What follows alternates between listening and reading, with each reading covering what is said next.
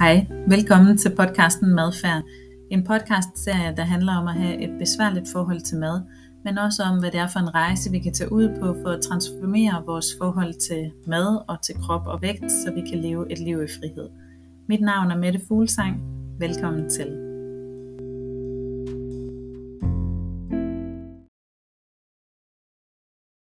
Velkommen til det her afsnit af Madfærd.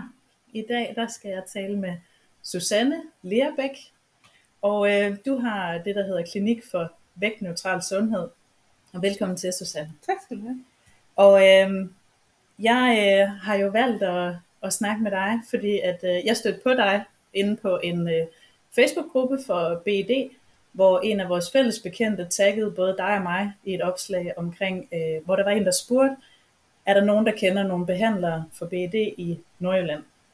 Og så stødte jeg jo på dit navn der, og så gik der måske bare et par uger eller sådan et eller andet derfra, og så skulle jeg til hudlæge i Aalborg, og så står der Susanne Lerbæk på, på døren, og så tænker jeg, det var da pudsigt. Yeah. Det var lige hende, jeg havde, havde hørt om. Og så havde du jo lokaler i de samme lokaler som, som min hudlæge.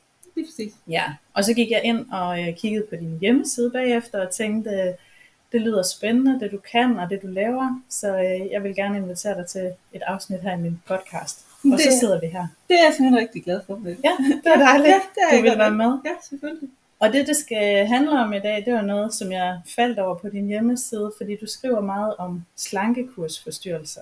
Ja. Ja, og det er jo, øh, selvom jeg har selv haft en spiseforstyrrelse og kender til hudløshed til det her med at være på slankekur, og selvom jeg også har været behandler nu i BD i 9 år, snart Ja, 10 år, ja. Så er det et, først et øh, begreb, jeg har stødt på inden for de seneste par år. Ja.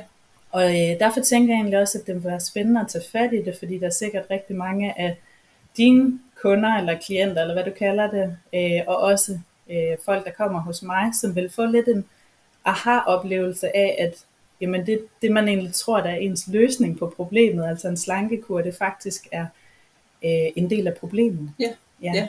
Så det er det så. ja. Ja, ja.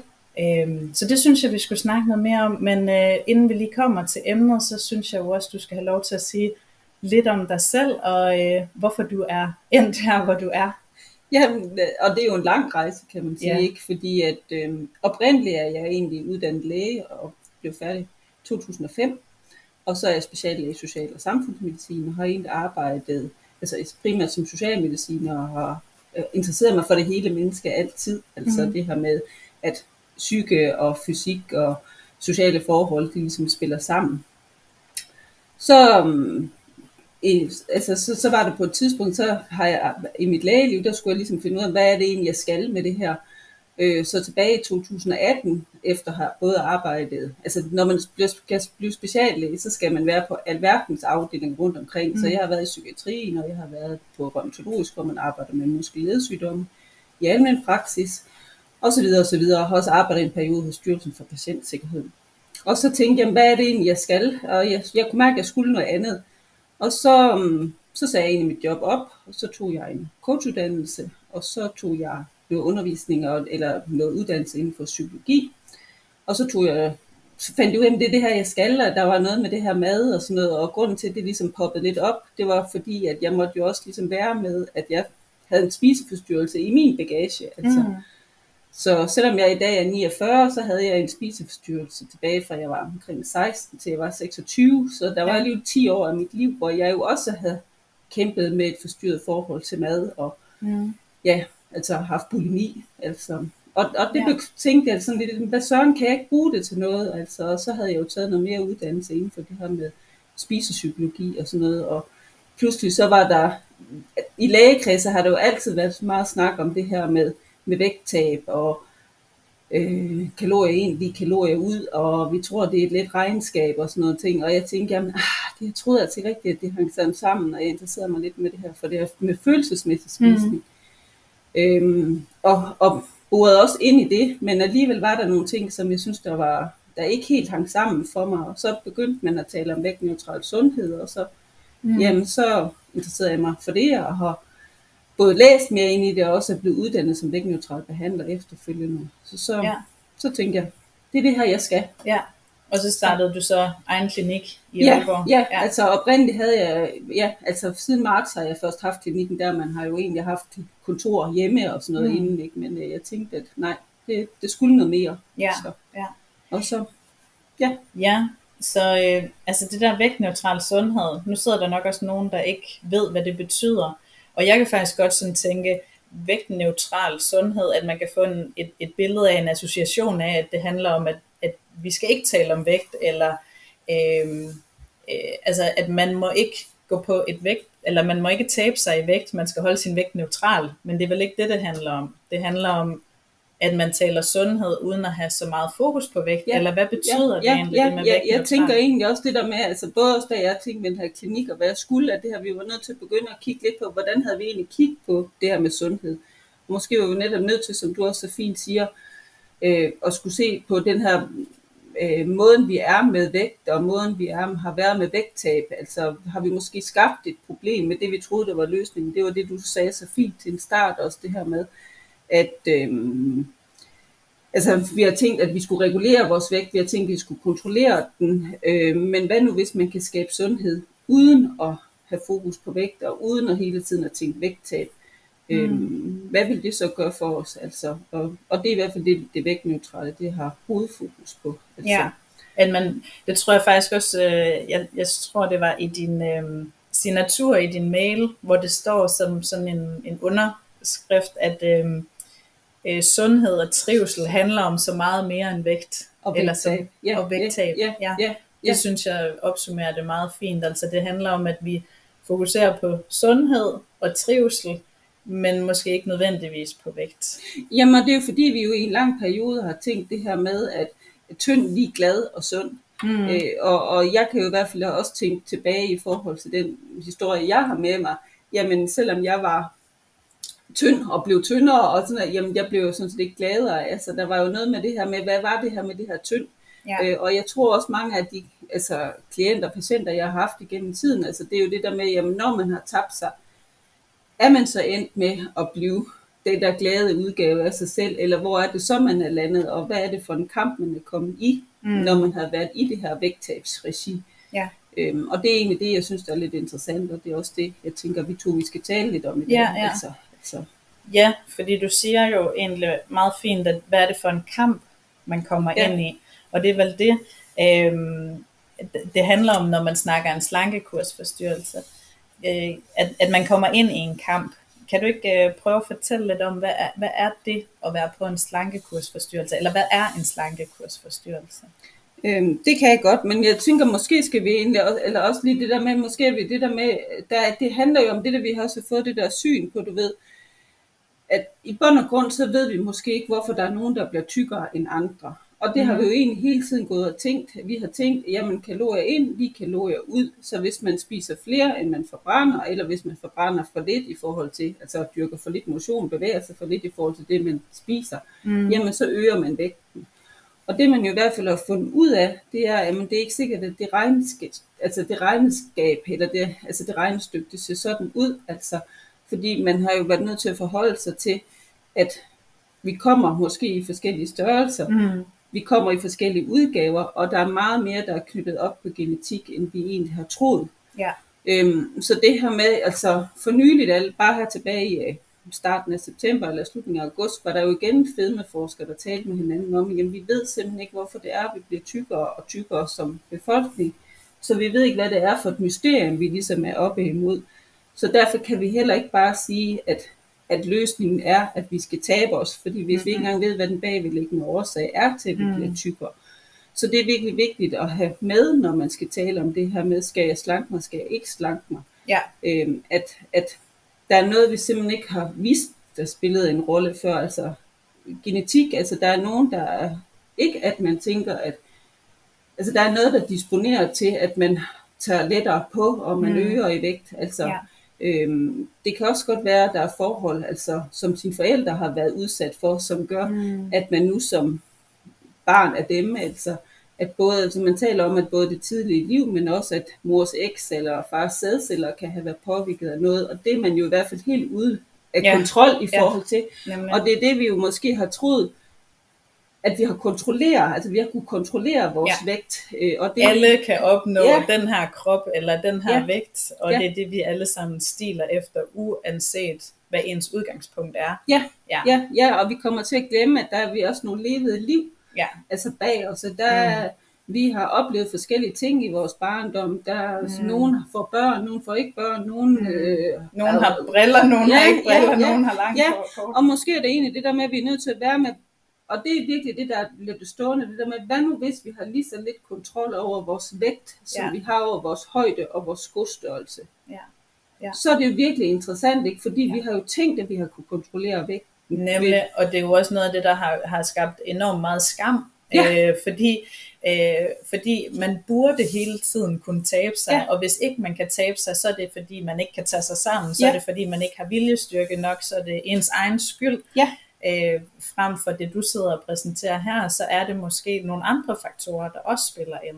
Ja, ja og, og lige præcis det, du siger så fint, det der med det der, det der stereotype, vi får, altså, øhm, fordi det kommer vi lige til at snakke lidt om, det der med, med slankekursusstyrelse, men hvis vi bare siger, at det der med vækststigmatisering, det er jo i, mest i forhold til, altså, at man kommer til at have en mening om folk, der har en høj vægt.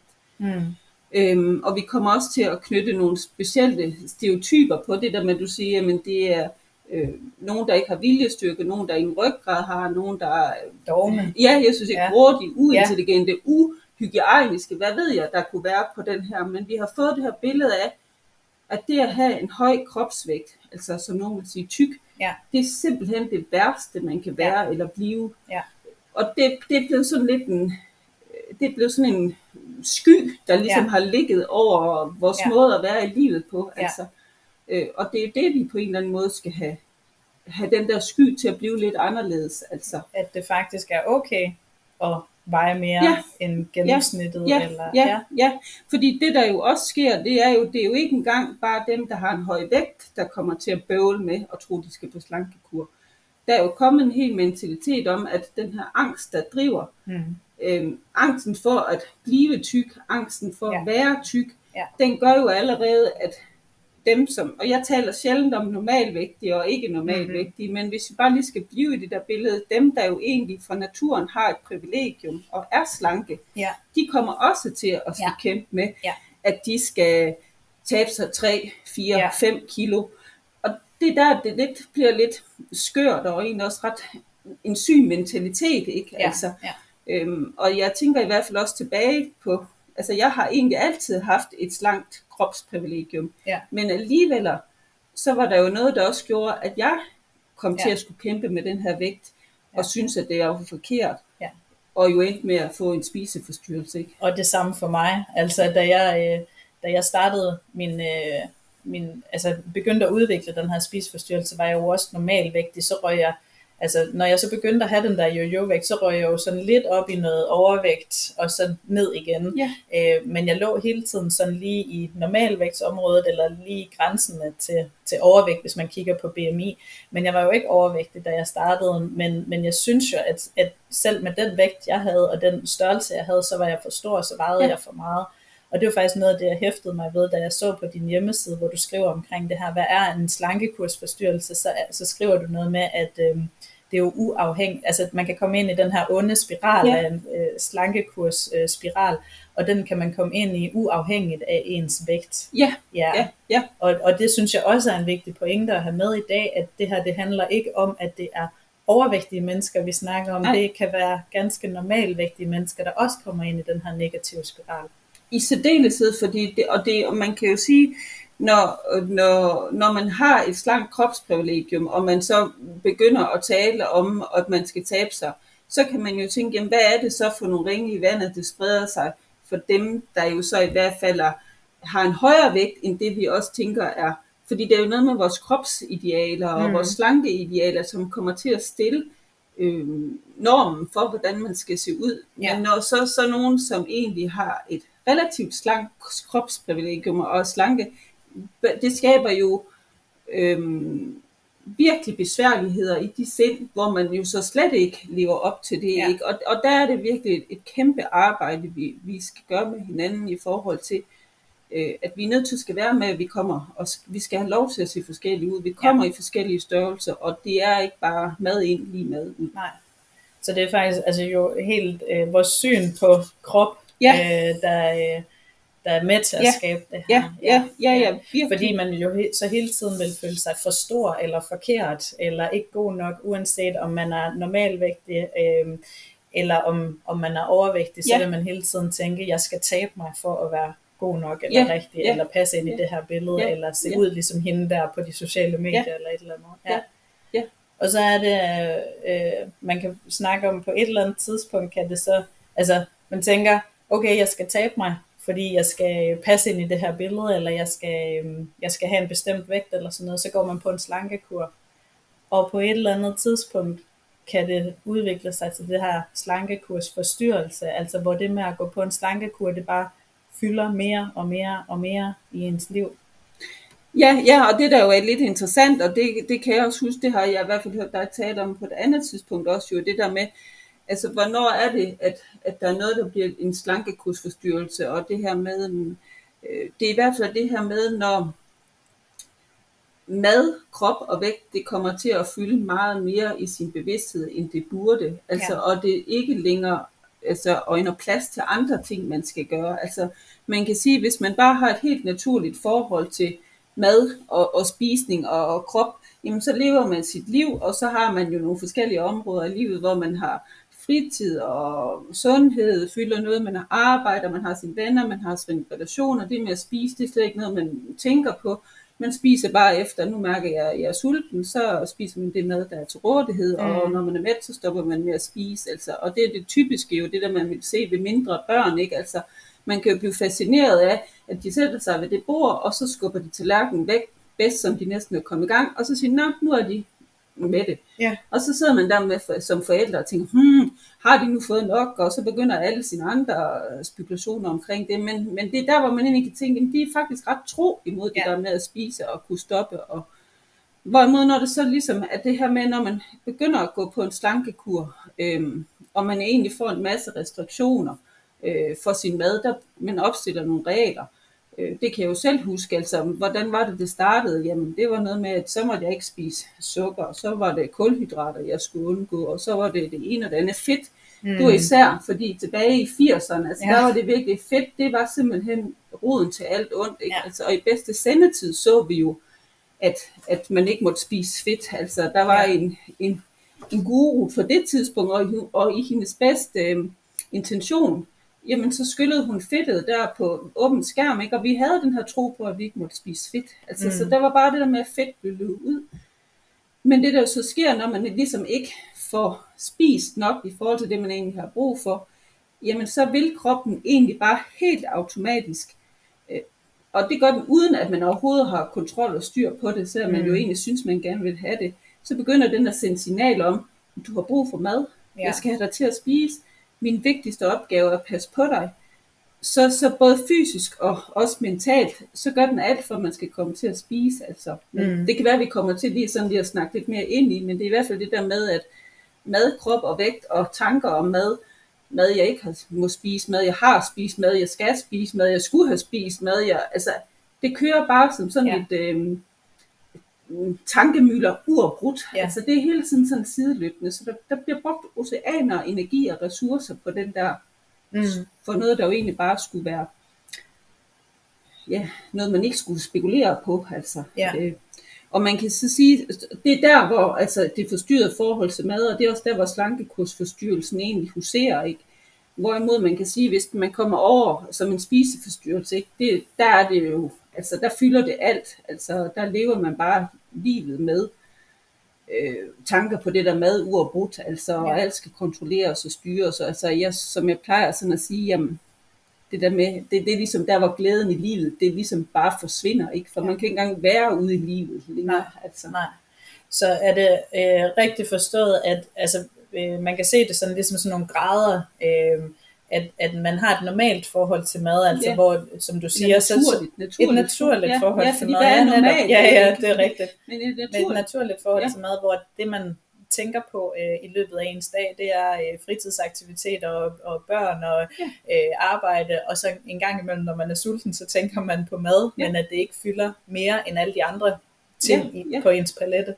Og så, øh, så selve slankekursforstyrrelsen eller et forstyrret forhold til mad, det er sådan, okay, nu begynder det her med mad at fylde mere og mere og mere i mit liv, og, og tager noget energi fra nogle af alle de andre ting, og så kan det i værste tilfælde, hvis man ikke får gjort noget ved det og får ændret på sit forhold til mad der, kan det så udvikle sig til en decideret spiseforstyrrelse, hvor det fylder alt ja. i ens ja, liv. Ja, og, og som du også, det er jo ikke kun maden, altså det er jo også alt tanker om krop, og ja. vægt, ikke? Og vægt, ja. det der endegyldige vægttab hele tiden, mm. det der med, som du også siger, jamen, hvordan er det, jeg får løst det her, hvordan får jeg styr på mig selv, ja. hvordan får jeg skabt tilfredshed mm. med mig selv, hvordan bliver jeg god nok, ja. altså, det er det der, hvor det der vægttab så kommer ind og, ja. og kører, ikke? men ja, altså, det er jo både mad, krop og vægt til ja, en, der fylder altså, det hele. Fylder, ja. Ja. ja.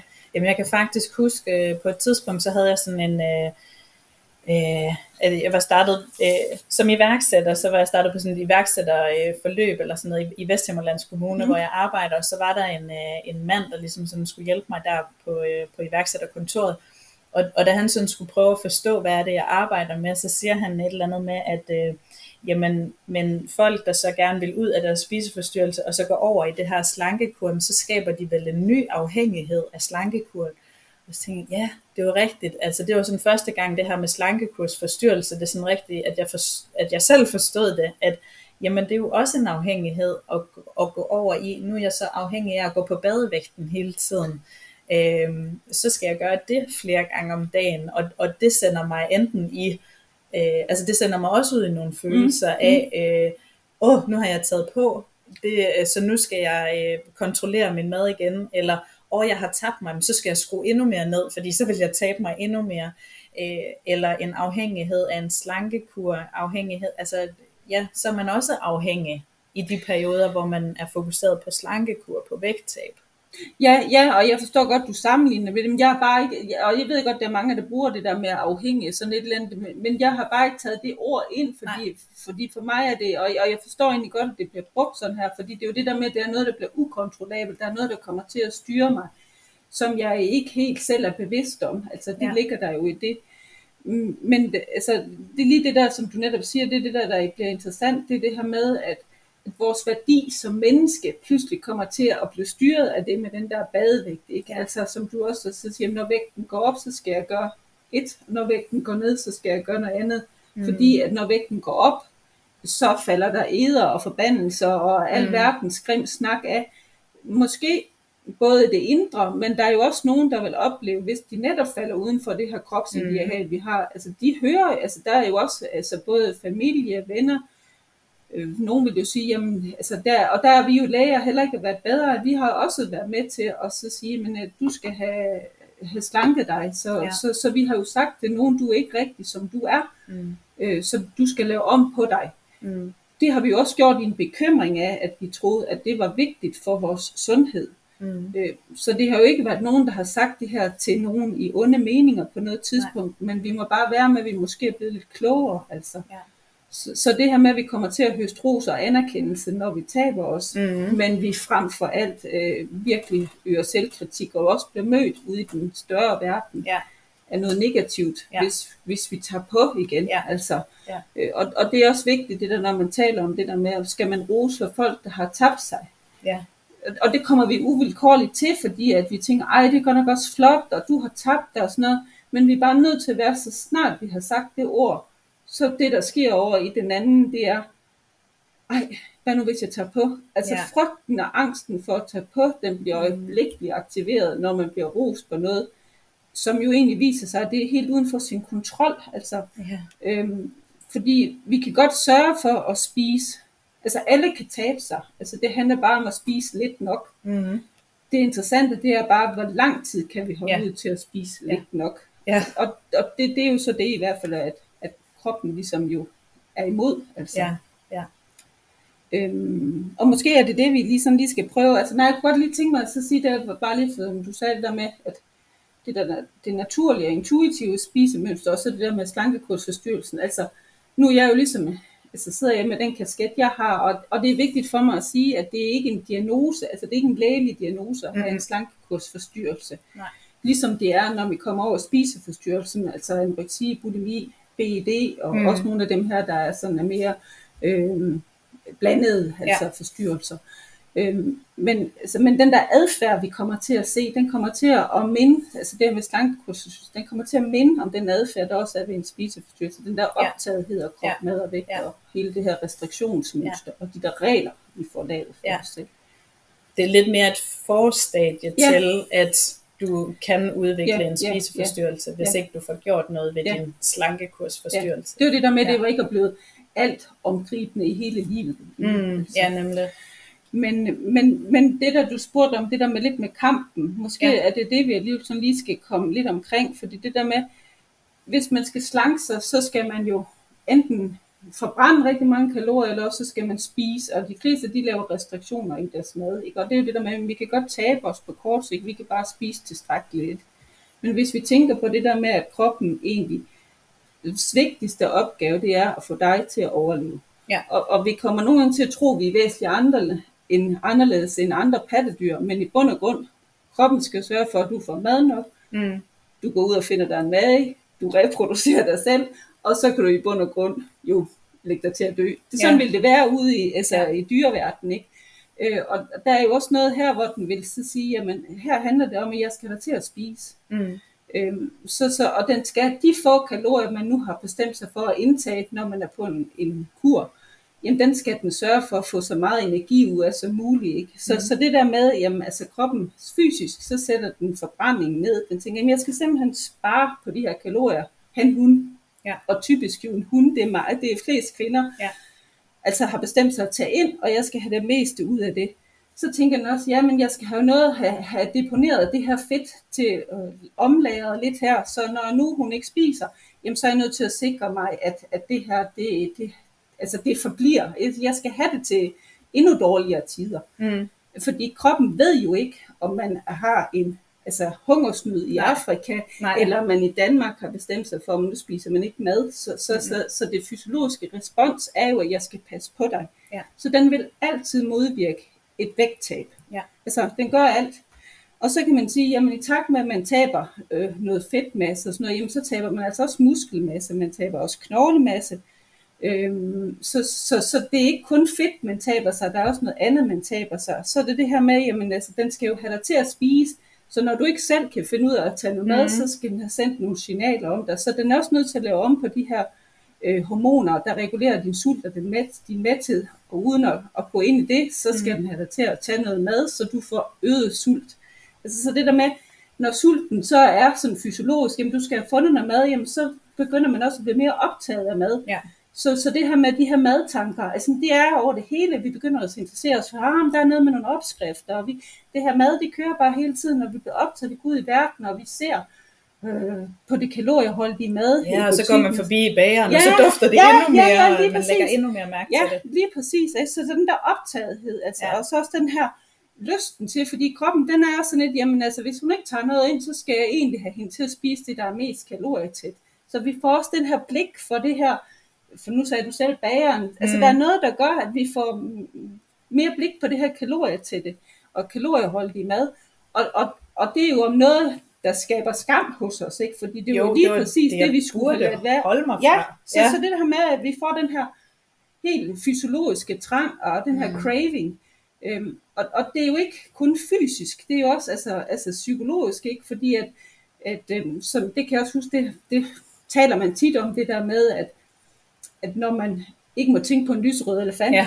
ikke? altså det hører vi tit, jamen Ja. så tænker vi på en Ja. lyserød elefant. Og når du ikke må tænke på kage, så tænker du på kage. Ja, så Ja. det her med, det er der bare hele tiden. Nemlig. Så den her craving, der ligesom ja. kommer, ikke? Altså det der med, og det ender jo egentlig så med, jamen så har man spist så lidt, og så kommer man automatisk til at skal spise mere. Ja. Og det er der, vi jo egentlig bliver fanget af, jamen hvad er det mere? Ja. Er det bare for at kompensere for det, vi ikke har spist?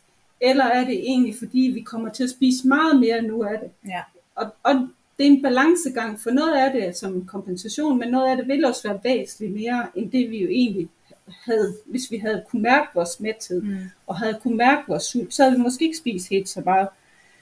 Men vi vil jo også opdage, at det der med, når kroppen ingen mad får, jamen Mm. så bliver vi måske, får vi svært ved at koncentrere os. Vi bliver uopmærksomme. Øhm, vores humør bliver anderledes. Øhm, vi må- bliver måske lettere irritable. Der er nogle flere, der får skæld ud hjemme i hjemmet, fordi Ja. vi ikke har fået noget at spise. Men det der træthed og uoplagthed, den, den kommer sådan set også. Øhm, og, og det er jo virkelig interessant, når man tænker på, at når man er på en slankekur, eller det vil det være mange vil sige, de vil sige, at de skal lave nogle kostrestriktioner, og så skal de også øge deres fysiske aktivitet. Ja. Men så skal vi ændre og, og øge vores fysiske aktivitet, når vi netop har en krop, der siger, nej, hun skal ligge sig på Ja. sofaen, fordi hun skal spare kalorier, fordi hun giver mig ikke nok, og hvis ikke jeg får nok i lang tid, jamen så er vi her ikke. Mm. Altså, så, så det er det der med, at man er virkelig kommet i det kamp med Ja. den der krop. Altså, Ja, det, det, lyder, det lyder meget konfliktfyldt jo, øh, det du fortæller, at, at der er et ønske om at ville tabe sig og spise færrest kalorier og, og træne mest muligt, men når du gør det, så vil kroppen begynde at søge mere mad og sørge for, at du lægger dig på sofaen og så videre. Ja. Så du modarbejder lidt det, du Men- egentlig tænker, du skal. Og det ved vi ikke. Altså det Mm. her, det foregår jo fuldkommen uden for vores kontrol. Det foregår uden for vores bevidsthed. Ja, det er rent fysiologisk, Ja. alt det her, det Ja, foregår. ja. ja. Og, og det tror det det, altså det var jeg jo heller ikke opmærksom på, da Nej. jeg selv stod i det i sin tid, at det var det, jeg var kommet i kamp med. Nej. Fordi det, der jo så, så sker, som du også så fint har nævnt, det er jo det der med, når vi så ikke lykkedes med det, så kommer vi om nogen til at skælde rigtig meget ud på os Ja, selv, og der ja. kommer meget skyld og skam knyttet på det her også. Mm. Og så sker der en hel masse altså andet, altså så kan vi jo komme til at spise på vores skyld og vores skam, for der kommer hele det her følelsesmæssige som Ja. med, som bliver knyttet på det, ikke? Ja. Altså, så der er ligesom, når jeg tænker på det, der er noget fysiologisk, psykologisk, sådan lidt, men alligevel jo også, altså selvfølgelig er det her også psykologisk, det her, men, men der kommer hele den der dimension af, den der selvkritik, det der mm, værd, vi virkelig bare slår ned på, mm. øhm, skal ud, indre skal ud hele tiden, øh, det der med, at vi ikke lykkes, og det der med, at vi burde, og altså, ja, så det der med, at, at hvorfor søren kan vi ikke, øh, jeg ved jo alt det, jeg skal kunne, Ja. jeg kender alt det her, og hvorfor søren kan jeg så bare ikke, jamen det kan jeg ikke, fordi at den her krop, den arbejder imod mig. Ja, nemlig. Og det Så. bliver sådan lidt øh, altså selvforstærkende. Jeg, jeg øh, printede lige den her øh, cirkel ud. Du har øh, den, den, hvad kalder du den? Den, den onde... Under den onde slankekurs cirkel. Ja, nemlig. Men, men jeg tænker også, at det har jeg i hvert fald, du kender den noget andet, vi, vi har jo mødt den i mange kredse, Ja. så en eller anden den onde spiral. Eller Ja, ja, jeg har også den negative overspisningsspiral. Ja, lige ja, præcis. Så og de ligner har- jo fuldstændig Ja, hinanden. ja. Så, og det er jo det, der er to sider af samme sag. Det Ja. er jo overspisningerne og slankekurene. Fordi altså, jeg tegner det også tit som et pendul. Så har vi den ene yderlighed, der har vi overspisningerne. Øh, og i den anden yderlighed, der har vi slankekurene. Og jo mere jeg overspiser, jo mere vil jeg have en tendens Mhm. til at gå på slankekurene for at kompensere. Og jo mere jeg går på slankekurene, eller kontrol, faste, restriktioner, hvad vi nu kalder det her over i den anden side, jo mere vil jeg have en tendens til at overspise, fordi nu er jeg blevet så sulten, Ja. eller nu har jeg lidt så mange afsavn, eller hvad det nu er, der så får en til at svinge over i den anden yderlighed. Og det, jeg synes, der er ret interessant, det er jo det her med, at min... Øhm, Altså at, at det bliver selvforstærkende, Ja. at, at det startede som, nu vil jeg gå på en slankekur for at løse mit problem, men så er det, jeg lider sult og afsavn, så er det, jeg begynder at overspise, så er det, jeg får dårlig samvittighed, så er det for en ny overspisning på grund af enten sult eller følelser, Ja. så er det, jeg tager på, og så vil jeg gå på en slankekur igen for at løse det problem, at nu har jeg taget yderligere på, og så er det jo, at vi kan fortsætte i en uendelighed der. Ja, og nogle gange er det jo, at måske har jeg taget yderligere på, Ja, men, Frygten men for det. bare, bare frygten for, at jeg har taget yderligere på, den driver også den her spiral. Den kan også få mig til at ja. Ja, lige Ja. præcis, og den driver også det her spil, at, at både det der med det, det, altså det fysiske, det ukontrollable, det kroppen gør, men også hele det her med den dårlige samvittighed, skyld og skam, altså der så kommer ovenpå. Ja. Altså der er virkelig de der to, Ja. øh, eller der er måske flere, men i hvert fald de her, det er de væsentligste, der kommer Ja. ja. til at drive det her. Altså. Ja. Og som du så så fint så siger, det der med det der enten eller, Ja. altså det der pendul, Ja. altså, ikke, altså det hele bliver enten eller, det, Ja. det er alle vores regler, hvad vi må, hvad vi ikke må, altså sund, Ja. usund, Ja. rigtig, forkert. Altså Ja. vi får lavet så meget enten eller, Ja. underspisning, overspisning. Ja. Altså, Og sådan vil det jo nemt være, altså når vi som mennesker bliver bliver presset, bliver stresset, ryger i krise eller et eller andet, så vil man have den der tendens til at gå i den ene grøft eller den anden grøft, at man bliver sådan meget sort-hvid i sin tænkning. Ja. Man bliver mindre, øh, mindre fleksibel, man bliver mindre øh, kreativ med sine løsninger og sådan noget. Man bliver meget, enten så går jeg i den her grøft, eller så går jeg i den her grøft. Og det bliver så mere og mere udtalt, jo mere man ryger ind i et forstyrret spisemønster. Ja, ja, ja, i særdeleshed. Så pendulet ryger jo også bare længere og længere og længere ud i ekstremerne. Ja, ja, Ja. og man kan se det der pendul for sig selv, ikke? Ja. Det er holdt helt op næsten i vandret, ikke? Ja, hvis man tænker på sådan en Bornholmer-ur, ikke? Ja, ja. Sådan der, og så, det kan Der- jo kun svinge over til den anden Ja. side. Der kan komme mange, øh, når, altså, øh, når folk de gerne vil starte hos mig, så, så kan de være sådan frustreret over, at øh, jamen, jeg, har, jeg har gjort alt, hvad der overhovedet er, for at komme ud af mine overspisninger, underforstået. Jeg har startet på den her slankekur, den her slankekur, har været på den her kostplan, været ved den her diætist, og det her vægttabsforløb osv. Og det frustrerende er, at jo mere jeg har forsøgt at komme ud af det, jo værre er min overspisninger blevet. Ja. Jeg har aldrig vejet så meget, som jeg vejer nu. Jeg har aldrig haft så mange overspisninger, som jeg har nu. Og det er jo netop et rigtig tydeligt eksempel på, hvordan øh, de to øh, de to sider af pendulet, de fastholder eller faktisk forværrer hinanden. Man tror, at vægttabet, slankekuren er løsningen på ens problem, men det er jo faktisk bare at hive pendulet endnu Ja. længere ud, og når du giver slip på det, så ryger du endnu længere ud i dine overspisninger. Ja. Så om det er pendulet eller det er spiralen, men Ja. det bliver bare værre og værre og værre, Ja. større og større overspisninger, mere og mere jojo-vægt Ja. øh, over Ja. tid. Ja, ja. Og, og det der med, det, altså det der kontrol, kontrol, kontrol, og så Mm, det der med ja. ikke kontrol, Ja. det er jo det, der jo kommer til at være, Ja. og det er der, vi bliver så ulykkelige Ja. også, ikke? Kontrol eller kaos. Ja, Ja, ja, ja, ja. ja, lige præcis. Og begge dele kræver jo enormt meget. Der kan, altså, øh, mange kan godt have en oplevelse af, at når de er i kontrolsiden, så er de raske, altså så er de ude af deres problemer, så har de jo ikke deres overspisninger, og så taber de sig. Men det er jo også en del af forstyrrelsen, det er jo også at være i overdrevet kontrol, og det kræver jo også enormt meget energi, fokus. Øh, man har jo ikke overskud til at gøre noget andet end at tælle kalorier og øh, fokusere på ens vægt og Nej, ens og, spisning. og, og det er lige præcis en, en god pointe, der du har, fordi lige præcis det der med, det er jo der, hvor vi så siger, jamen vi er jo kommet til at tro på, at, at sult, altså Mm. sult, det er et gode, Ja. så, så vi kan komme til sådan ligesom at høre, jeg har da lagt mærke til efterhånden, som jeg jo interesserer mere for det der med, når kvinder, de virkelig kan tale hinandens, altså, altså jo mere sulten de er, når de Ja. går i seng om aftenen og Ja. lægger deres hoved på puden, jo mere synes de, de er på rette vej Ja. og de klapper sig selv på skulderen, og det er det, du siger, men der er de i kontrol, kontrol, og det er her, de har styr på det hele og sådan noget. Og det er der, hvor jeg virkelig må tænke, det er der, hvor man virkelig bliver opmærksom på, at hold op, hvor er du kommet i kamp med dig selv, fordi Mm. det, det er jo egentlig der, vi skulle tænke, jamen kroppen prøver for alt i verden at få dig til at spise, så det ja. du egentlig skulle gøre nu, og ikke tænke, jeg er på rette vej, jeg slanker mig, det var, jeg skal rejse mig fra min seng Ja. og gå ud og finde ud af, hvad er det, jeg har brug for at spise nu, fordi min krop siger faktisk til mig, Ja. at jeg mangler mad. Ja, nemlig. Så, så det her med, at vi virkelig bliver tør være, altså den der sult, det er altså ikke øh, et gode, det er faktisk, at vi har overhørt kroppens naturlige signaler. Ja. Og det kan vi sagtens forstå, fordi det er jo blevet helt, der er gået kuk i den der forståelse af øh, sult og mæthed, når man kun kender sult, sult, sult, og Ja. ja. kender mæt, mæt, Ja. ja. mæt. Altså vi har slet ikke de der nuancer. Og man kan jo også godt over tid være blevet bange for den sult, fordi at man har erfaret, at hvis jeg spiser, når jeg er sulten, så kan jeg ikke styre mig, så ryger jeg i overspisning. Ja. ja. Ja, ja, så det der med, at, at ja, det der med, at jeg kan ikke styre mig. Nej. Så, så det er lettest for mig øhm, at være med den. Altså, og det kan jeg også godt se, altså når jeg sådan tænker tilbage øh, i mit eget liv, øh, fordi jeg jo også har været meget restriktiv tidligere, Ja. så er det egentlig også lettest for mig at falde tilbage til den der, fordi jamen, øh, altså, og mit lægeliv har jo også, altså så var der ikke spisepause, så havde jeg 24 Mm. timers vagter, øh, jeg kunne ikke komme ud og få mad, så, så det var jo en, det var let for mig bare det der med, at så kunne jeg bare overhøre den, og så gik det. Øh, ja, men det var jo fuldkommen skørt, og altså, Ja. det var ikke at passe på mig selv. Nej, altså, nej. Øh, altså, men, men det var noget tryghed i den der. Ja.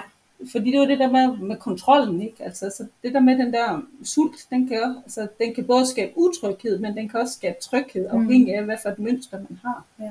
Altså, men Jeg kunne godt tænke mig lige at snakke lidt med dig om, hvordan, øh, altså, øh, hvor- hvordan det er, man arbejder med at komme ud af det, eller hvad, øh, hvordan bryder man med det her mønster? Fordi nu har vi snakket meget om, hvad er det, den negative spiral, Ja, at man ryger ja, længere og længere ja, ned i ja. det her hul, og problemet ved at have den her slankekursforstyrrelse, det er jo, at, at det fylder så meget, at man føler sig forkert, at man har jo-jo-vægt, og også i værste tilfælde jo, at man kan udvikle det til en spiseforstyrrelse, hvis ikke man får bremset op og får vendt det rundt. Ja. Men hvordan er det, man får det bremset op? Hvordan er det, man får vendt rundt? Hvad er det, øh, dine kunder, klienter, de møder, når de kommer ind til dig, de kommer og siger, jeg har en slankekursforstyrrelse, eller hvad de nu siger. ja, Hvad er ja. det så, I skal til at arbejde med?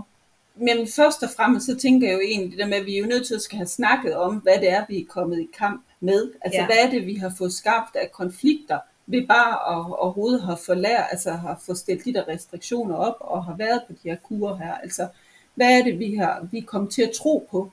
Og hvad var det også, vi troede på det der med, at tynd, lige sund og glad, ikke? Altså, vi er nødt til at skal starte med at finde ud af, måske ved vi faktisk noget mere nu. Måske er det her med at have en stabil højere vægt, sundere for kroppen, end at have en jojo-vægt. Og det man jo i hvert fald har fundet ud af, som du jo også ligesom har beskrevet, hvis man kan se det for sig, sådan lidt sådan en trappe opad, ikke? Altså det er jo det der med, jamen så slanker jeg mig, men så er erfaringen, altså, og det er også det forskning siger, 95% ender med at tage de tabte kilo på igen inden for 2 til fem år, og det er sådan lidt diskussion om, hvor mange, men måske op til endda to tredjedel, jamen de øger faktisk også Mm. mm. vægten, så man kan se den der stige for sig, at sin kropsvægt stiger, så slanker man, så, så falder den ned, så stiger den lidt højere op, og så Mm. falder den ned, og så stiger den lidt, og så bliver det egentlig sådan en opadstigende kurve, der er hele tiden. Og, og det er hårdt for kroppen hele tiden at være i de der udsving der, altså fordi for nogen kan udsvingene være jo, jo kæmpe store, ikke? Ja. Øhm, så det er bedre at have en stabil høj vægt, altså. Øhm, Ja. Det er det, man i hvert fald har fundet ud af, det er mindre belastende for kroppen. Ja. Altså. Og, og det er jo vigtigt at gå ind i den viden, øh, med den viden, når man skal prøve at arbejde med at, at, at ture og være med det, men vi er også nødt til at snakke om, hvad er det, det her samfund det har mødt os med? Altså, hvorfor Mhm. mm-hmm. er det den her vækststigmatisering? Hvorfor er det, jeg kommer til at tro på, at jeg ikke er god nok? Det kan der være mange årsager til, ikke? Altså, men jeg tænker, vi har ikke hjulpet hinanden Mm-mm. med ikke at, at, at få skabt den her vækststigmatisering. Og det er vi nødt til at skal begynde at tale med hinanden om. Øhm, og så er der jo mange årsager til den her forkerthedsfølelse, den her kroputilfredshed. Hvorfor startede den egentlig ikke? Altså det, Mhm. det, det afhænger, det, det er varierende fra menneske til menneske. Så jeg synes, det vi, jeg i hvert fald starter med, det er at høre, hvad Søren, hvor var du i dit liv? Hvad, altså, hvad er det noget familiært? Hvad, hvad sagde man? Hvordan var man med kroppe i din familie? Øh, Er der sket noget i dit liv, der gjorde? Altså, fordi det er jo det der med, at vi er også nødt til at skal være med, om, altså uanset om man har en slankekursforstyrrelse, eller man har en, altså en, og især en spiseforstyrrelse, så skal man jo altid vide, den der mad, den kan noget. Ja. Og man har fået den her forstyrrelse, fordi den kunne hjælpe sig med noget. Mm. Så den er ikke kommet ind i, af en eller anden grund, fordi den ville så ondt. Der er noget med det her mad, som har kunne hjælpe mig med at håndtere noget, jeg synes, der var svært på et givet tidspunkt. Mm. Og noget af det, du sidder og snakker om nu, det er, altså, hvordan er det familien, de har talt om det, og det skriver du også noget om på din hjemmeside, at der kan være nogle udløsende faktorer, mm. altså det kan være øh, øh, noget, noget kulturelt, noget socialt, eller det kan være i familien. Hvis nu man er blevet, blevet mobbet mm. Med sit udseende, eller hvis det er, at man sammenligner sig med, med andre på de sociale medier, eller de, de idealer, der er blevet sat op ja. i samfundet, det er på sådan lidt mere samfundsmæssigt ja. plan, men det kan også være det der med, hvordan har min, min mor talt om hendes egen krop? Ja. Øh, har hun altid været på slankekur Ja. og sagt, øh, prøv at se, hvor tyk jeg ser ud? Ja. Øh, eller hvordan har man talt om andre folks kroppe? Ja. Øh, så der Ja. kan være mange ting, der ligesom Ja. har påvirket, at man har fået den følelse af at være forkert i sin egen Ja. krop. Ja, Ja. ja og, så, og det er en hel dimension omkring det, og så det her med, at, at, at det her med det her mad, og det kan også, altså det skaber også, altså der er det hele den der, med den her følelsesmæssige del af det her Ja. mad. Hvad er det, det mad, det kan? Jamen, det kan faktisk godt nogle gange dulme noget. Det Mm. kan også godt hjælpe sig med at, at fejre og belønne noget, og, og give en ros til sig selv. Ikke? Så, så det der med, altså, Øhm, for mig, når jeg tænker tilbage på mit eget, altså når jeg jo har skulle grænse lidt over, hvad søren var det egentlig? Hvorfor kom den spiseforstyrrelse ind i mit liv som 16-årig? Altså der var det utrolig meget ansvar, jeg havde taget. Det var især et følelsesmæssigt ansvar i den familie, jeg var vokset op. Mm. Øh, der var også meget, jeg var sådan en, du ved, øh, jeg var dygtig til mine ting, jeg lavede mine lektier, jeg havde styr på det hele, men jeg havde måske så meget styr på det, at det var svært for mig at fejle. Så ja. det her med at kunne få ro for ansvar, øh, det var svært. Øh, og dengang jeg jo ligesom man begynder at udvikle, du ved, fra en pigekrop til en kvindekrop, hvor man får runde former, så var det bare det der, jeg kan huske, det stod der med, hvis jeg skal til at være voksen nu, så skal jeg have endnu mere mm. ansvar. Og det kan jeg ikke magt, så jeg skal bare have noget af det her. Så det, det blev sådan lidt, altså det der med, hvis jeg bare kunne slanke mig, så var den der pige, altså lidt, altså der var ja. noget, så der var også noget med det der, altså for mig var der noget ansvar, der var noget pause. Ja. Øh, der, var, der var meget knyttet til det her ro. Ja, netop altså, når du kunne spise, så kunne du sidde ja. der, Ja. Her er ikke nogen, der forventer ja. noget af mig. Her ja. der kan jeg bare få min pause og slappe ja. af og være ja. mig selv, ja. uden at skulle præstere og ja. tage ansvar. Ja, ja, ja. ja. Så, så det er jo lidt forskelligt, hvad ja. det der mad det gør, men det er faktisk vigtigt at, at også finde ud af, hvad, hvad er det, det hjælper mig med. Ja. Øh, for jeg kan ikke komme til at lave om på det, hvis ikke jeg ved, hvad det er, det faktisk også gør er godt. Nej. Fordi der er noget, det her, det her, øh, det hjælper med, den Nemlig. måde, jeg er med min, min spisning. Ja. Og det skal man jo have fundet en anden måde at hjælpe sig selv ja, til ja, at ja. Øh, få en pause, eller frelægge sig ansvar, eller hvad det nu er, man har brug for ja, at lære, ja. øh, for at kunne give slip på maden, til ja. at give den funktion. Ja. ja, og så kan man sige, så er det som du også så det er jo den ene side, det der, hvor vi sagde, der er det der følelsen, og så er der det her, hvor jeg skal ture og begynde at spise mad igen. Mm. Altså, altså jeg skal begynde at ture og spise, uden at hele tiden have fokus på at tro, at så accelererer min vægt et eller andet sted hen. Ja. Øhm, så det her med igen at finde ud af at give, og det tager tid, altså det ja. her med at finde ud af, hvordan føles det at være sulten i min krop, hvordan føles det at være mæt, hvornår jeg behageligt mæt, hvornår, altså, så, så det er jo det der med, at man nogle gange er nødt til at skal opstille, altså nogen vil sige, altså at skabe et stabilt måltidsmønster, som når mm. der er gået så meget kub i det, så skal ja. man til at finde ud af, hvordan er det overhovedet, jeg tør præsentere min krop for mad, uden at jeg får tanken om, at jeg laver en overspisning, så ja. hvordan får jeg introduceret forskellige madvarer igen, hvordan får jeg luet ud i mm. alle de mhm. regler, jeg har. Ja. Så. Ja. Så. Og ja, det tager tid, fordi at, at altså man kommer jo i kontakt med en masse frygt, og ja. Øh, ja. altså man bliver så bange for at tage på, fordi ja. det er jo det, ens erfaring fortæller ja. en. Hvis jeg slipper kontrollen bare lidt, så, så ryger jeg jo i den anden grøft, ja. og så tager jeg på. Ja. Så det er klart, at det er det, der sidder i ens krop, og man kan ikke bare få det fortalt, eller læse sig til det, eller øh, lære det kognitivt. Man bliver nødt til at erfare det ja. i sin ja. krop. For nu har man jo måske erfaret det igennem årtier, at øh, når jeg slipper kontrollen, så tager jeg på. Så nu skal man jo have, have lært noget nyt, øh, helt på kropsligt ja. niveau. Ja. Og, og det det er jo sådan lidt hønnen eller ægget, fordi jeg tør jo ikke at kaste mig ud i det, før jeg føler mig tryg i det, men jeg føler mig ikke tryg i det, før jeg har kastet mig ud i det, så man bliver nødt til at gå ud af sin, ja. sin comfort zone ja. og øh, kaste sig lidt ud på gyngende grund, hvor det bliver ja. lidt usikkert og lidt utrygt. Ja, meget kan man jo sige, meget ikke? Altså, ja. ja. Men, det, men, men jo så også velvidende det her med, at, at apropos det der med kampen, ikke? Altså det der med også at være vide, jamen hvad er det faktisk, jeg er kommet til at skabe af kaos, som jeg jo er nødt til at prøve at finde ud af, hvordan får jeg lært det igen. Altså øhm, netop det der med at være mere tilladende i sin spisning, og det her med at øve sig i det, og, og det der med at begynde, altså det vil jo være, altså hvis vi tager, snakker over i det vægtneutrale, ikke, så vil mm. det jo mhm. være nogle områder, der hedder det med altså intuitiv spisning, altså det der med, at man spiser altså betingelsløst tilladende, ja. så altså, det vil jo allerede skabe frygt hos nogen, mm-hmm. se, ja. fordi jamen, ha, det betyder jo, hvis jeg øh, tillader mig selv ja, alt, så, så overspiser så, ja, ja, og så kommer, betyder det, men det der er jo vigtigt, det der med, men det betyder ikke, at jeg skal proppe mig med Nej. alt, men det betyder i hvert fald, at jeg får givet mig selv det ramme, der hedder, jamen, hvis jeg kan spise det her igen i morgen, eller næste gang jeg får lyst, hvor meget har jeg så brug for at spise af det nu? Og det har i hvert fald for mig selv været virkelig godt at mm. ture mm. og tænke, nå ja, men hvis ikke den her regel findes, mm. så kan jeg jo sådan set bare øh, ja. spise snøfler ja. igen om et øjeblik. Men det er ikke sikkert, at jeg har brug for så mange snøfler, som, jeg, som da jeg ikke måtte spise dem. Altså, fordi det er det der med, at der, der er jo meget inde i det med, altså, altså what the hell effekten, ikke? At vi tænker, ja. nu er jeg startet, så nu skal jeg ja. bare udrydde alle ja. dem her. Ja. den forsvinder jo, den dimension. Nemlig. Ikke?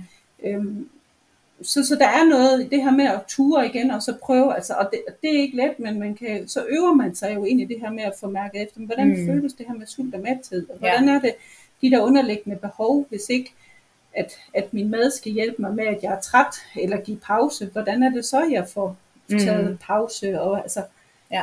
men altså det er, altså det er da et detektivarbejde. Det er altså, det, ja, ja. Altså, Og det er også der, hvor det kan give god mening, at man opsøger en eller anden professionel, fordi det er, det er jo mange forskellige ting, vi sidder og snakker om her. Det kan være lidt komplekst at få Ja, øje på ja, det selv. ja. Øhm, og det kan være meget rart, at der ligesom er en, der kan, kan guide en eller holde en i hånden, fordi man bliver meget... Øhm, altså min erfaring er i hvert fald med dem, der kommer hos mig, at de er jo meget øh, fokuseret på deres egne fejl, og der, hvor de ikke er lykkedes. Ja. Øh, og og sådan, så kan det jo være svært at få øje på, okay, nu begynder jeg at øh, øve mig i at spise intuitivt, øh, men nu kommer jeg til at spise en hel pose vingummier. Så har jeg jo fejlet. ja, Ja, men, men det er klart, at når man skal vende et mønster, så vil der jo være nogle gange, hvor man lige falder lidt ved siden af. Øh, og, og der kan det være meget rart, at man har en eller anden form for sparringspartner, om det så er øh, dig eller mig, der sidder som professionel, mm. eller man, man øh, jeg ved også i, i nogle foreninger, der kan man få en sparringspartner, der ligesom selv har haft en Ja, spiseforstyrrelse ja, og er ja, længere ja. fremme end en selv, fordi man kan blive sådan lidt øh, øh, fokuseret på ens egne fejl, og synes, at øh, nu er jeg faldet i igen. Jo, og man kommer måske også til at tro, at man skal spise perfekt. Nemlig. Ikke? Altså, og det, Det er det, det, er i hvert fald vigtigt, det der med at, at spise intuitivt. Det, altså, nu skal jeg spise efter min krops fornemmelse, og jeg skal mærke sult og mæthed. Så kan man jo godt komme til at synes, at så er det så en ny kur. Ja. Fordi jeg skal gøre det helt rigtigt, jeg skal gøre det, og det er der, hvor man tænker, nej, det, det er virkelig vigtigt at tænke, jamen, der er ingen, der spiser perfekt. Mm. Der er ingen, der ikke kommer til at overspise nogen gange. Altså, så vi skal måske også være lidt mere, altså det der tilladende at tænke, jamen, det her er også okay. Jeg tænker, det her, det smager simpelthen så skide godt, så nu vælger jeg, at jeg vil faktisk lige få en lille smule ondt i maven. Men det betyder jo ikke, at jeg så i morgen og hver dag ender med det her med, at jeg skal hen og ligge som en val på sofaen, hver gang jeg har spist. Nej. Så, så, altså, så, så det her med at men, men det jeg i hvert fald selv har oplevet, det det der med, det der med, i takt med, at jeg blev langt mere tilladende, og i takt med, at jeg også turde spise mad igen, mm. og få mad regelmæssigt hen over en dag, jamen så var tankerne jo om maden, de fortog sig jo. Ja. Øhm, hele tiden den der diskussion om, hvor meget og hvor lidt, jamen den var der heller ikke, fordi, når man, øh, fordi jeg var egentlig sådan lidt, jamen, øh, nå, jamen, jeg kan egentlig godt mærke, at jeg mangler at få lidt sødt nu, eller andet, Mm. mm. hvad, hvad, hvad, kan vide, hvad det er, men så det der med at have, have blive lidt mere bevidst om, Ja. altså fordi det andet, det var bare en ubevidst øhm, spisning, uopmærksom spisning, altså mm. det her med at få puttet noget nydelse ind i det der med, altså da jeg kan huske, da jeg, og det er egentlig ikke, altså fordi selvom jeg ikke har haft en spiseforstyrrelse i mange år, Mm. så har jeg jo også i takt med, at jeg ligesom er nørdet ind i det de sidste år, må lige sådan tage det her op og vende en gang til at tænke, jamen, hvor er det, jeg er henne? Og en ting, jeg i hvert fald måtte være med, det var, at jeg var, havde aldrig haft et nydelsesfuldt forhold til mad. Mm. Øhm, der var jeg stået på sådan en øh, uddannelse, og du ved, vi skulle til at have mad, og der var en, hun, hej, hun glædede sig bare sådan, hun synes bare, hun, hun, hun var bare sådan rigtig madglad. Og, og, sådan der, og, og hun havde et naturligt forhold til det der, og hun glædede sig bare, for hun synes altid, det var hyggeligt, og de havde altid sådan et, og så tænkte jeg bare, sådan der har jeg det bare slet ikke. Jeg, der, altså, der var det så forbundet med det der, det havde Mm. været en gang. Så det her med virkelig at begynde at tænke, gud, det kunne også godt være, at man kunne nyde mad. Det kunne Ja. faktisk være, at man kunne prøve at lægge mærke til nuancer i maden, Mm. øh, konsistenser i maden, smage i maden og sådan noget. Altså, så, så, så det er jo inden for de sidste fem år måske, at jeg også Okay, er begyndt ja. at mere at nørde ind eller og tænke, det gør jo faktisk en forskel. Ja, Altså, ja. øh, altså, fordi det her var bare ikke noget, jeg havde blik for. Nej, Altså. nej. Øhm, og der kan man så sige det der med, jo i hvert fald den der uopmærksomme spisning, som jo også mange vil kunne forholde sig til, jamen, spiser jeg foran tv, spiser jeg på vej i en bil, spiser jeg, fordi det, det er også noget med det der skjuler, altså i det der ja. skyld og skam, ikke? Altså, der er noget af det, vi er nødt til at have det lidt mere frem i lyset og være med, at det er sådan her, det er for mig lige nu. Og det kan godt blive anderledes, men jeg skal ture og øve mig. Ja, ja. Øhm, og, og så tænker jeg det der med, at når vi så taler, fordi man kan ikke komme und, undgå at tale om også det med kroppen, ikke? Altså, fordi, og, og der synes jeg, det kan nemt blive sådan en kliché, det der med, at jamen, så skal vi alle sammen gå for at have vores krop, så nu skal vi bare elske mm, den. Og, ja. og sådan er det Igen jo. fra den ene yderlighed ja, til den anden. Sådan er det jo ikke. Altså, vi er nødt til at skulle være med at sige, det er ikke sikkert, at jeg kommer til at holde af alle dellerne på den her krop her. Øh, men det, der i hvert fald er vigtigt, det er det der med, måske handler det ikke om de deller, det handler om den betydning, jeg kommer til at give dem. Ja. Og måske skal jeg ture være lidt mere og tænke, jamen, uanset hvad jeg siger om den her krop, hvis jeg skiller den ud, så Mm. skiller jeg mig ud. Ja. Det her, det er den her krop, jeg har. Mm. Jeg får ikke andre. Det her, det er min krop. Det er mig. Ja. Så det her med, at man måske, om ikke andet, så til en start kan prøve at så lige være lidt stille, Ja. og så tænke, jamen jeg behøver faktisk ikke at skal rose den, fordi det er ikke sikkert, jeg kan. Nej. Men jeg kan i hvert fald begynde at lægge mærke til, hvad er det, den har kunnet, den her krop? Hvad har Ja. ja. den gjort for mig? Øhm, at, det der med, vi taler meget om det, det, det vægtneutrale, det der med at have en stærk og sund krop, frem for Mm. at have fokus på udseende. Ikke? Men, Ja. men, men virkelig prøve at begynde at lægge mærke til, jamen den har jo hjulpet, den har jo beskyttet sig, den har hjulpet sig igennem sit liv, den har Mm. måske født nogle børn, den har, der, er- der er Ja. altid noget, den her krop, den har, ja. har været der. Ja. Ikke? Og der, det tror jeg også, at, at det kan også være en vigtig pointe igen, at, at det ikke handler om det der sort-hvid enten eller, nu går jeg fra kropshad til kropskærlighed, men hvis man kan finde et eller andet sted Ja, der ja. imellem, ikke? altså øh, jeg tænker sådan kropsaccept, Ja, men jeg ja. kan også se, nu har du jo den her model for vægtneutral sundhed liggende lige foran os, hvor der står kropsrespekt. Og, og det, det har Altså- der faktisk været lidt frem og tilbage, fordi hvis man finder vægtneutral sundhed øh, ind på .dk og sådan Ja. ja. så er det nogle gange, der står accept her også. Ja. Men for mig, der har, og det har jeg sådan sagt været tænkt, men der er det faktisk længere hen. Mm. Der er længere, accepten ligger længere hen, Mm. end at jeg kan begynde at respektere den. Ja, ja. Så det er faktisk, for mig tænker jeg, det ligger mere til højre ben at sige, at jeg er nødt til at begynde at respektere, at det Ja. her, det er mig. jeg kan have svært ved at acceptere min krop, men nu respekterer Ja, jeg den. lige præcis, Ja. lige præcis. Øh, og at jeg prøver at være en lille smule mere rummelig over for det, altså der er. Altså prøve at se mig på mig selv med lidt mere venlige øjne. Ja. Øhm, ud fra den historie, man måske jo så har bredt ud, og det, det, det kan man egentlig også godt snakke med nogle andre om. Altså, så der er noget, vi skal ture og brede ud i den her historie med hinanden. Mhm. Altså, øhm, og, og det, ja, ja, altså jeg tror egentlig, det, det vil jo være, måske er det lettere faktisk at, at sidde til sådan en, det ved jeg ikke, det er måske det, der er min drøm, det er det der med, du ved, det er ikke sikkert, at vi til sådan en kvindefrokost kommer til at tale med hinanden om, hey, jeg er hende, jeg, jeg er overspiser, kender du det? Ja, det gør jeg Mm. også. Men hvis vi, det, det er fordi, det er for skamfuldt og for sårbart at skulle sige, men måske kunne vi godt få bredt det her ord ud, slankekursforstyrrelse, som er lidt mere neutralt. Altså det der med, jamen er jeg også sådan en, har du også sådan en, der har været på kur mange gange, og hvad er det egentlig, det har gjort ved dit sind? Kunne vi begynde at tale med hinanden om, hvor svært det faktisk har været, Mhm. Velvidende, at vi alle sammen så har en eller anden forståelse af, at, at når vi så har været meget restriktive, jamen så er vi alle sammen svinget herover, så Ja. vi kender faktisk godt den, Ja. her, den her følelse. Ja, for lige nu er der jo netop meget skam forbundet med det, at man tager på efter en spis eller efter en slankekur. Ja. Men, men det vi to sidder og taler om her, det er, at jamen, det er jo faktisk det, at du går på slankekuren, der udløser, at du efterfølgende så tager på. Så at, at man ikke skal sidde og føle sig forkert og skamfuld over at tage på efter en slankekur, fordi det er nogle helt naturlige mekanismer, der er på spil her. Og så ville der være nogen, øhm, og det, det havde jeg tænkt, det behøvede vi ikke at sprede, men det man bare ligesom som så, sådan for, hvad nu hvis den naturlige vægtudvikling faktisk også er? Fordi det der er også noget, der tyder på, at vi tager egentlig på hen ad mod 65-70 års alderen. Ja. Så det her med den her opadstigende kurve, måske har vi drevet noget derop med vores slankekur, men måske er noget også det vores naturlige vægtudvikling. Mhm. Og det, det ved vi ikke sådan helt lige nu, så, men vi er i hvert fald er nødt til at skal være med, at det ikke, som du så, fæld, så, så, så fint har sagt, det er i hvert fald ikke løsningen, og måske driver vi en vægt op. Ja. Det skal vi helst ikke. Det skal vi undgå. paradoxalt nok, ikke? Mhm. Mm-hmm. Altså man ønsker at drive den ned, og det man så ender med i sidste, sidste øh, udfald, Ja, af, ja. når man gør det, det er at, at drive den opad. Ja. Ja, ja.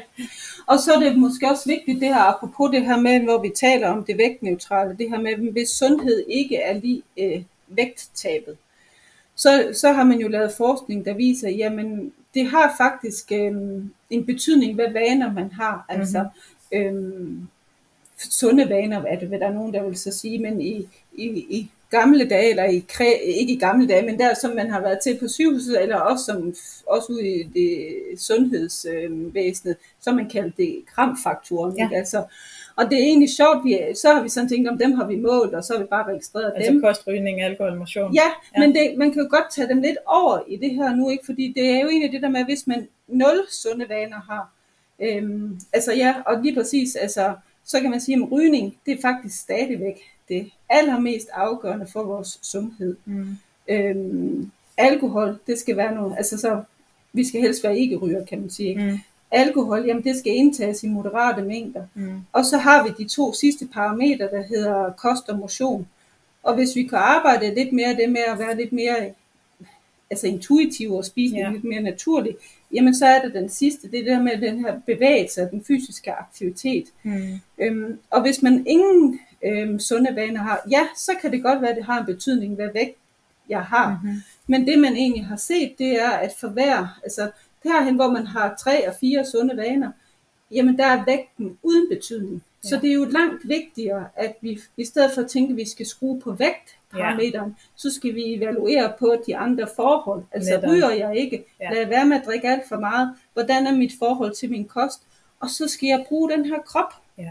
Altså, Så vi kigger på vores vaner, på vores adfærd, mere end at vi kigger på øh, tallet på vægten. Ja, ja, ja, ja så, så vi skal ikke skrue og evaluere på den der vægt. Mm. Øhm, fordi det er langt vigtigere, også selvom man har en krop, der har en høj vægt, og altså, at man begynder at turde bruge den krop. Ja, ja. Altså, og, og det, det er det der med, som i vægtneutral sundhed, hvor man vil så sige, der med nydelsesfuld bevægelse, så er det så, ja, men jeg kommer aldrig nogensinde til at nyde og skal bevæge mig, vil der være nogen, der så Mm. sige, nej, men måske hænger det lidt sammen med det der, vi har fået sådan et præstation ind i den der bevægelsesglæde også, ikke? Altså, som har slukket den, altså fordi vi har skulle træne med henblik på at slanke os, Ja. eller spare kalorier, eller brænde, forbrænde kalorier, eller modulere vores krop. Ja, ja. Så derfor har man ikke valgt det, som man allerbedst kunne lide, Nej. men det, der var allermest effektivt til Ja, at forbrænde ja, kalorier. ja, og vi har måske også glemt, at det er langt vigtigere at gå en tur, hvis Ja. det er det, man finder glæde i, ja. end at man ikke kan sige, at man har løbet et halvmarathon eller et helmarathon. Altså der,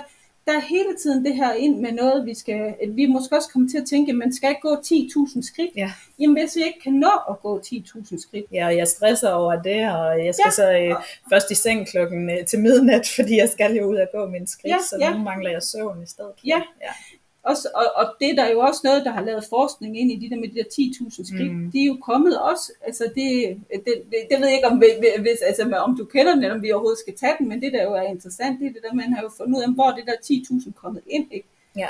Og så det viser sig, at det er nogen, der har lavet en skridttæller, og så er der været et eller andet, jeg mener, det var et japansk Ja. tegn, for det der med de, med de 10.000, øh, altså, eller med for, for, og så viste det sig, jamen, så blev det pludselig, nå, men okay, så Ja. var det de 10.000, der kom ind. Ja. Men Så det er ikke noget forskning, noget Nej, evidens, der har gjort, nej. at man er landet der. Nej, Og der er der, ja, det er jo en helt anden snak, men omkring, hvordan alle mulige myter og sådan noget er, øh, er med til, at jamen, så tror vi på det, og så er det endnu en regel, vi skal leve Ja, op til. Og ja. så er det jo, at man kommer ind i den her sundhedsjungle af 10.000 ting, man skal leve op til. Så Og, og så ender man jo lidt tilbage til, når jeg ikke gør det perfekt, så kan det være Ja, lige meget. Ikke? nemlig, ja. Og så siger nej, alt, alt giver mening. ja. Så det er langt bedre at rejse og stå ved et skrivebord, og det er langt bedre at gå en lille bitte tur end ingen tur. Det er langt bedre, altså, men, men der kan det jo også være en masse myter. Hvis man ikke lever op til kropsidealet, så er det jo ikke sikkert, at selvom man, det man allerbedst kan lide, det er at svømme, så er der noget andet, der gør, at det kan være svært at Mm. mm. trække i en badedragt Ja. og komme hen. Men Mm. så er det faktisk vigtigt nok også, at man finder ud af, jamen, hvordan er det, vi hjælper hinanden til, at det så kan lade sig gøre. Ja. Altså, til at det er okay. at ja, ja. Altså, vi er nødt til at finde ud af, hvad er det, der, hvad er det jeg nyder? Ja. Hvad, hvad, hvordan kan jeg lide at bruge min krop? Ja, nemlig. Og så det, kan vi andre jo sådan set blande os udenom. Vi kunne fortsætte øh, rigtig lang tid med at Mhm. snakke om det her, jeg er sikker på, men jeg synes, vi skal øh, prøve at runde lidt af nu. Så jeg vil høre, om der er noget, du tænker, det her, det er altså super vigtigt, og det har jeg ikke fået sagt endnu. Eller om vi er ved at have været omkring, øh, Jeg, jeg tror godt, ja, ja, nej, jeg tror godt, jeg kunne til at slå et slag for det med sult, så. ja, Øhm, fordi at øhm, det, der i hvert fald er gået op for mig, det er det der med, du ved, at øhm, vi tænker lidt det der, når vi kigger over på folk, der har en høj vægt. Ja. Så kigger vi over på deres tallerken og ser, at de tager mad, hvad, hvad de tager op på den tallerken. Og så, så tænker vi, ja ja, hvis de spiser så meget, så forstår jeg godt, hvorfor Ja. de er blevet, har fået så stor en vægt, eller Ja. er blevet så tykke. Men det, der er lidt vigtigt at huske på, det er faktisk, at en stor krop har brug for mere mad end en lille krop. Mm-hmm. Så det der egentlig er, vi kommer til at se, fordi at det er ikke kun altså, fedtlæren, der bliver ændret, det er også den øhm, indre, øhm, hvad det hedder, energiforbrugende Mm. del af kroppen, altså organer, knogler og muskler, der bliver større. Altså man skal jo sammen forestille sig, at man skal bevæge en tungere krop rundt, mm. og Mhm. på en eller anden måde, så skal kroppen jo ligesom sådan, øhm, for den kan altså, øhm, løfte sig selv rundt, så, så skal den jo ligesom have ændret sig, så den kan klare den der. Mm-hmm. Så det vi kommer til at se, det er egentlig en årsagen af, at den, altså ja. at den store krop, at det er ikke, at vi har spist meget og fået den store krop, men fordi vi har den store krop, så spiser vi mere mad. Mm-hmm. Så det, det bliver jo sådan lidt en omvendt slutning. Og det er i hvert fald en ting, jeg selv virkelig har måttet tage med mig, når jeg sådan går ud i verden og skal vurdere andre folks tallerkener. Så er det gået op for mig, at jeg tænker, du har sådan set rigeligt med at passe din egen sult og din egen tallerken. Mm. Så det koncentrerer du dig om. Og så lader jeg de andres tallerkener og deres sult være over hos dem. Ja. Så, så det her med, at altså fordi sult er sult, og det er det for alle mennesker, og det er uanset om man har en stor vægt eller en lille vægt, Ja. altså eller en stor krop eller en lille krop. Ja. Så det her med virkelig at blive over ved os selv og Mhm. passe vores eget, Ja. øh, det, det synes jeg virkelig er vigtigt. Altså. Ja, for også at give slip på noget af den der fordømmelse Ja, og skam, ja, der er omkring øh, at ja, spise ja, meget ja. eller spise noget. Ja, lige præcis. Ja, Ja, altså, ja. ja. Så vi, det, det, altså, vi skal bare koncentrere os om vores eget. Fedt hvad siger du det det øh, afsluttende øh, omkring det. Jeg kunne godt lige tænke mig at høre, øh, hvad du vil anbefale folk at gøre, hvis de, øh, hvis de kan genkende sig i noget af det, vi har siddet og snakket om her. Er der nogle steder, du tænker, at de kan læse mere, eller nogle steder, de kan henvende sig, eller hvad kan de selv begynde at gøre? Altså, jeg tænker jo egentlig, altså, alle er jo velkommen til at både læse ind på min hjemmeside, og også jo også sådan en som din hjemmeside. Der står jo også nogle forskellige ting, men jeg tænker egentlig også det her med, altså, hvis man er mere til det, altså det vægtneutrale, som jeg jo tænker, det er en god vej, altså mm. så er der jo nogle bøger, man kan læse, ikke? og der er også nogle podcasts, som Mm. hører til.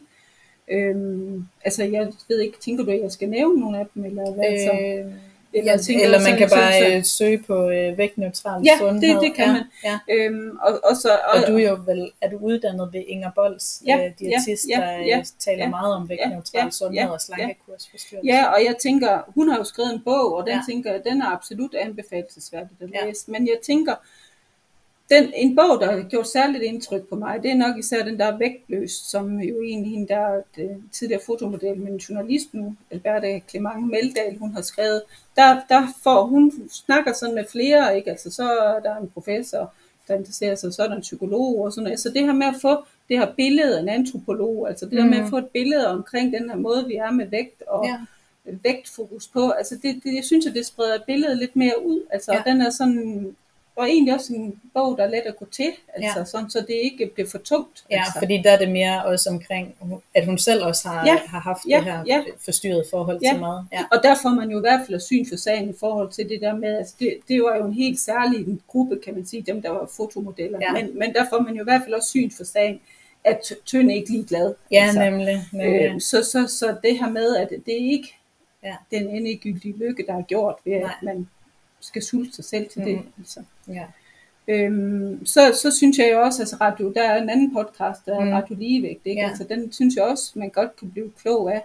Øhm, men jeg synes egentlig, der er, der er mange ting, man sådan lige, altså, øh, jeg godt kunne lytte ind i, altså, Ja. ja. sådan der, altså.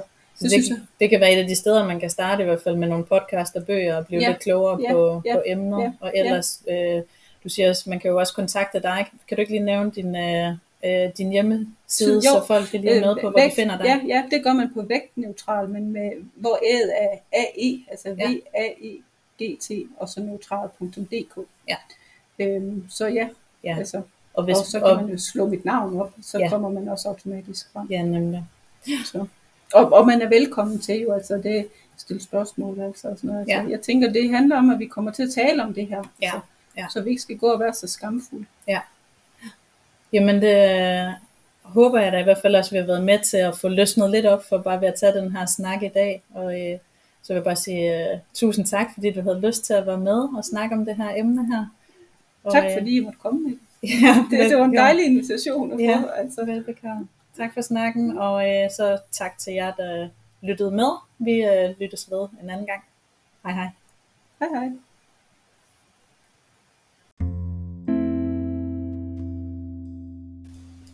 Tusind tak, fordi du lyttede med. Er du blevet nysgerrig på at se og høre mere fra mig, så kan du finde mig på min hjemmeside, på Facebook og på Instagram under navnet mettefuglsang.dk. På min hjemmeside der kan du også tilmelde dig min nyhedsmail, og du kan finde mine bøger En fri fugl og Der er lys i mørket. Og sidst men ikke mindst, så er du velkommen til at skrive dig op til at følge med her på podcasten, så du får besked om, når næste afsnit udkommer. Jeg håber, vi høres ved en anden gang. Ha' det godt. Hej.